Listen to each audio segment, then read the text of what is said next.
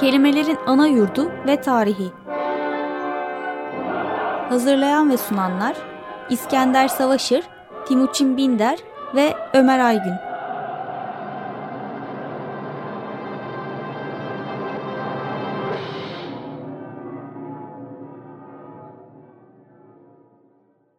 İyi akşamlar efendim ben İskender Savaşır.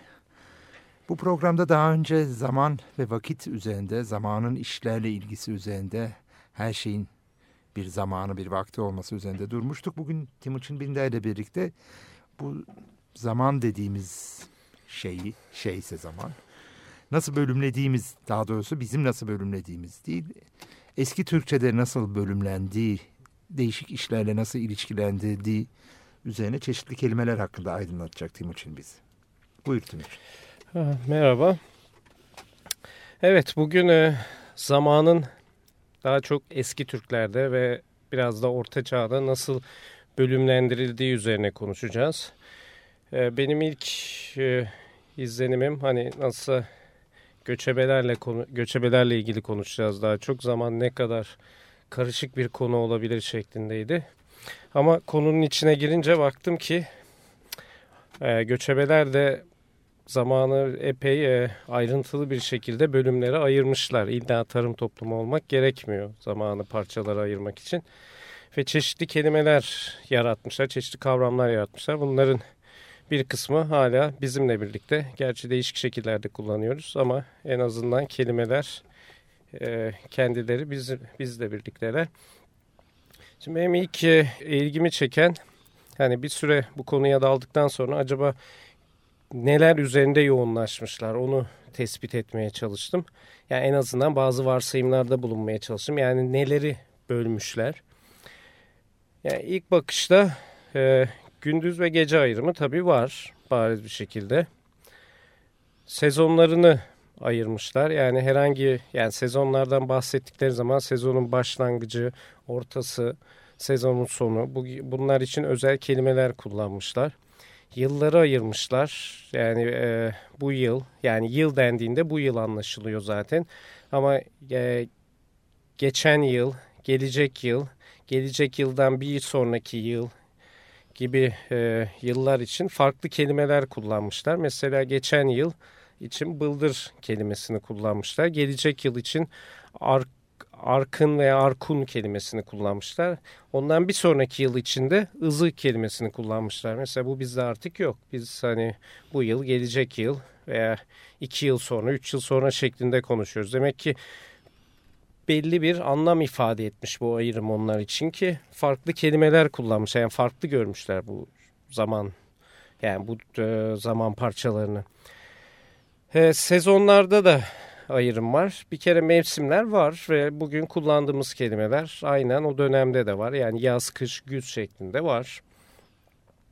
Ee, işte yazın... Dört, dört mevsim mi, üç mevsim mi? Üç mevsim adı var ama yaz mevsimi daha geniş tutulmuş. Hani yazın başlangıcı için farklı bir kelime kullanmışlar. Ama bahar kelimesi yok. Hı hı. Yani yaz daha uzun bir döneme karşılık geliyor. Bir dönem, bunun yanında başka dönemler de var tabii. Atları, atlarla ilgili çeşitli dönemler var. İşte üzüm e, dönemi var. Gene koyunlarla ilgili dönemler var. Bunlar daha çok işlerle ilgili dönemler. Bunun yanında dönemi kendi içinde parçalar ayırmışlar. Farklı kelimeler kullanmışlar. Mesela bir dönemin veya sezonun başlangıcı için gene bıldır veya baldır kelimesini kullanmışlar. E, dönemin ortası yani dönemin... E, tam e, şeklini aldığı zaman için Türk kelimesini kullanmışlar. Bu tabii çok ilginç yani insan olmanın e, kendini asıl gösterdiği, herhangi bir şeyin kendini asıl gösterdiği Yunanların akme zirvesi dedikleri şey Türklük oluyor anladığım kadar. Evet bunu birçok şey için de kullanmışlar. Yani üzüm için hani o tam kıvamına ermiş üzüm için Türk üzüm, koyun için gene aynı şekilde bunu kullanmışlar. Ondan bir sonraki dönemde olgun dönem oluyor. Yani Türk'ten biraz daha artık iyice olgunlaşmış. Koca ile bir ilgisi var mı olgunun? Koca nasıl? Kocamış. Koca da anladığım kadar. Koca yaşlı oluyor. O kadar yaşlı değil sanırım. Olgun daha bir olmuş. Hani yaşlanmış değil. Çünkü sezonun sonu içinde körpe kelimesini kullanmışlar. Ya bu körpe kelimesi hala bizimle beraber. Yani biz biraz daha farklı kullanıyor gibiyiz.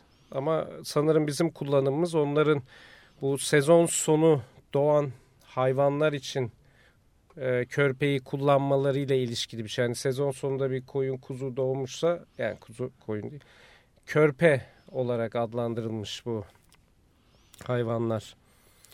Ee, yani bu ilginç tabii yani dönemi bu kadar inceden inceye adlandırmış olmaları. Demek ki onlar için epey önemli bu isimler. Bunun dışında tabii e, e, kün ve tün kelimelerine geldiğimizde kün kelimesi bizim bildiğimiz güne dönüşmüş zaman içinde. Kün güneş demek eski Türklerde. E, ayrıca tabii güneş kelimesine de dönüşmüş. Güneş kelimesi güneş ışığı, güneşli yer. Biz bugün onu güneş olarak kullanıyoruz. Başka bir kelime daha var güneş olarak kullandıkları kuyaş kelimesi. O da gün ortası yani yakıcı sıcağın belirdiği gün ortası kuyaş oluyor. Bu kün kelimesi güneş kelimesi aynı zamanda gün olarak uzun bir süre kullanılmış. Yani günün batması, günün doğması, günün ortası yani kün batsı, kün tuğsı, kün ortusu şeklinde daha sonra küntüze dönüşmüş. Küntüz şeklinde de bir kullanım var. Şimdi tün kelimesi bizim dünümüze dönüşmüş ama o dönemki kullanım daha çok gece anlamında. Gece ile ilgili başka kelimeler de var. Bizim kullandığımız e, keçe yani gece kelimesi o dönemde keçe olarak var. Bu geç kalmaktan geliyor veya geç olmasından. Yani o karanlık çöktükten sonra sanırım en e, geç olan arayı temsil ediyor. Yani yatmadan önceki ara herhalde. Bir de tabii akşam kelimesi de var ama bu başka bir dilden alınmış. Soğdak dilinden alınmış. Yani İran dillerinden olan Soğdak dilinden gelmiş. Gün batımı anlamına geliyor. Tabii her Türk grubu farklı kelimeleri kullanmış. Öyle gözüküyor. Orta çağda Osmanlılar, Azeriler onlar akşam kelimesini kullanıyorlar. Gece kelimesi tabii gene aynı şekilde gelmiş. Öyle gözüküyor. Şimdi e, tün kelimesi dedik gece. Aynı zamanda yani peki dün nereden geliyor buraya nereden girmiş? Onu anlamakta biraz güçlük çekiyoruz. Yani herhalde tam o noktada gece ile sabah arasındaki noktayı hani bir şeyin başlangıcı ve bitimi bitimi ve başlangıcı olarak görmüşler. Şeyden sana. gidemez miyiz? Yani karanlık olmasından yani dün artık sonuç olarak göremediğimiz bir şey. Görüş alanımızın ortasında olan bir şey değil. Yani gece de bizim işte geceye kaldığımızda geç kalmış oluyoruz. Dün de karanlıkta yani bir şekilde bir yetersizliğin hali hazırda olmanın bittiği bir anı. Ben de öyle düşünüyorum. Yani karanlık sanırım e, daha olumsuz anlamlar ifade etmiş bu kişiler için. Çünkü Pardon senin için etmiyor mu karanlık daha olumsuz anlamlar? Valla ben aslında severim gece vaktini. Geceler her zaman benim için daha ilginç, daha iyi çalışabildiğim zamanlar olmuştur. Ama bu Türklerde yani bu eski Türklerde şeyi de görüyoruz. Yani güneşin doğmasına, tan vaktine, sabah vaktine, sabahın erken saatlerine epey önem vermişler. Çünkü onunla ilgili bir sürü kelime var. Mesela tan var her şeyden önce. Gün doğumu. Belki buradaki bu verilen önemi şeyden de çıkarabiliriz. Tan'ın aynı zamanda mucize falan anlamına geldiği. Tabii tan aynı zamanda mucize anlamına da geliyor. Yani aynı şekilde söylenen başka bir tan kelimesi var. Muhtemelen ikisi de aynı kelimeler. Belki de bir mucize olarak gördüler. Hani yattık gece oldu hava karanlık acaba yarın olacak mı? Ha bir daha güneş doğdu aman ne güzel. Şey lafını bilirsin sen değil mi? Yattık Allah kalkalım inşallah.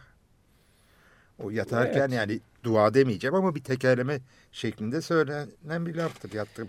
Herhalde insanların içinde böyle bir korku var. Yani gözler insan gözünü kapatınca artık yarın açabilecek miyim gözlerimi diye hani bir ürküyor sanırım.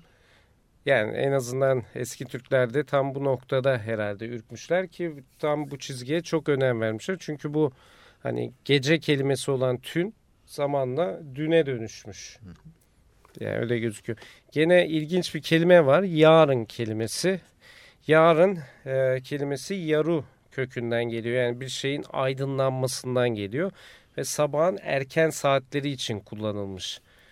Bu yani Göktürkler döneminde konuşuyor olabilseydik hani birisine yarın dediğimizde onun anlayacağı şey hani sabahın ilk saatleri onu anlayacaktı. Biz bugün daha farklı bir şey anlıyoruz.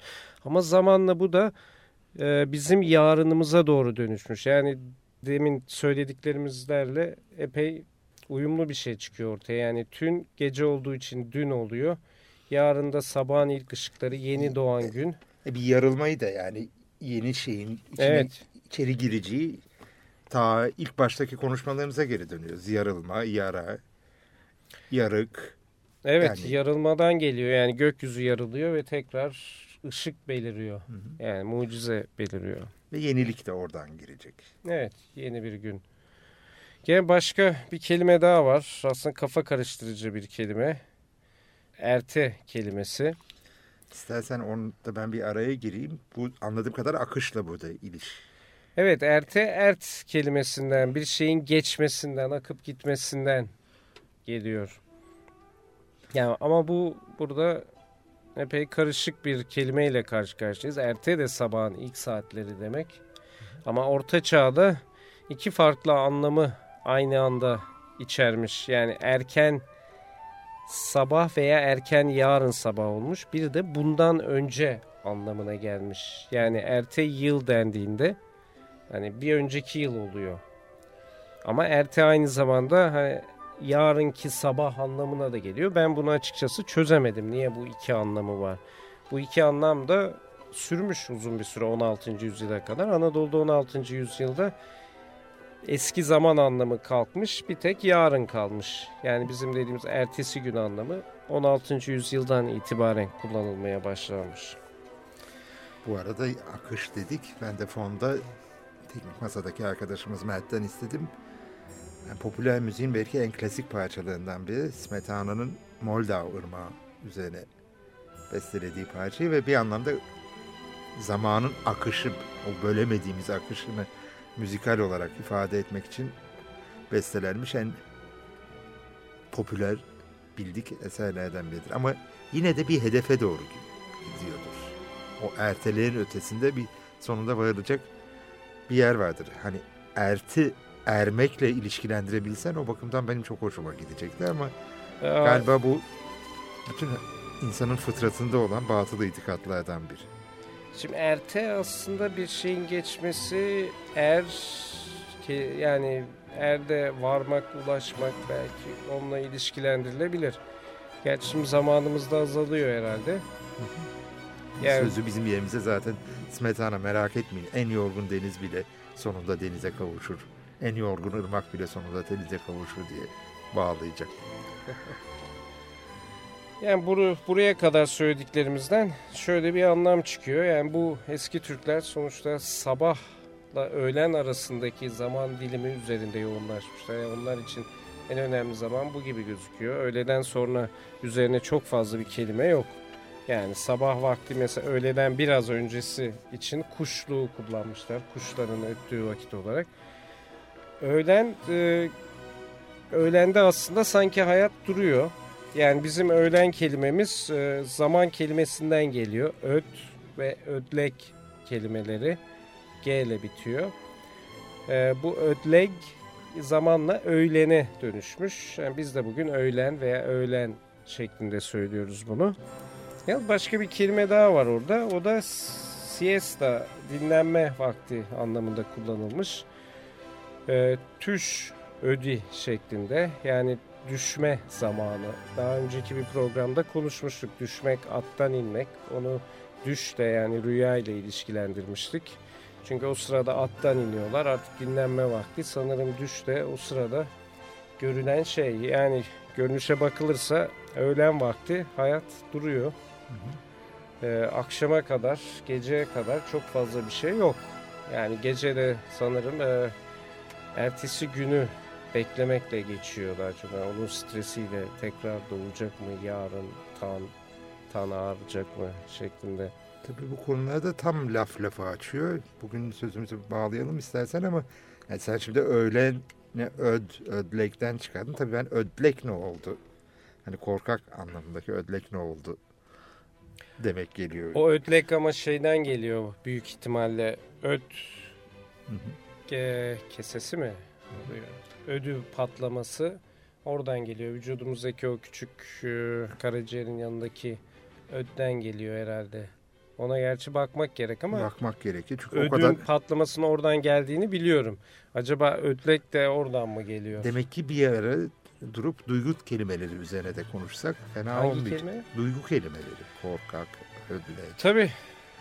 E bir de olgun koca dedik. Bir de insan ömrünün senin üzerinde çalıştığını bildiğim bir konu var. Bir de onun üzerinde konuşacağız. E, olmazsa gelecek hafta onunla devam ederiz. Zaten Kasım'a kadar da epey vakit var. Söylenecek çok şey var. Zaman çabuk akıyor. evet. Sizi Moldau Ormanı'nın akışıyla baş başa bırakarak iyi haftalar dilerim.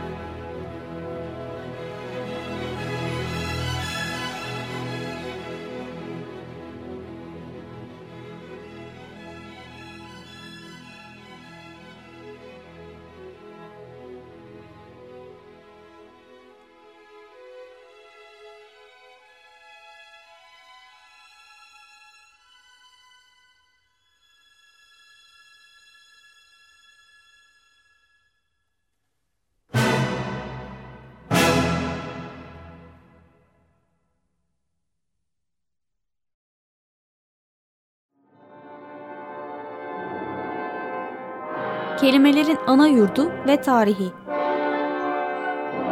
Hazırlayan ve sunanlar İskender Savaşır, Timuçin Binder ve Ömer Aygün.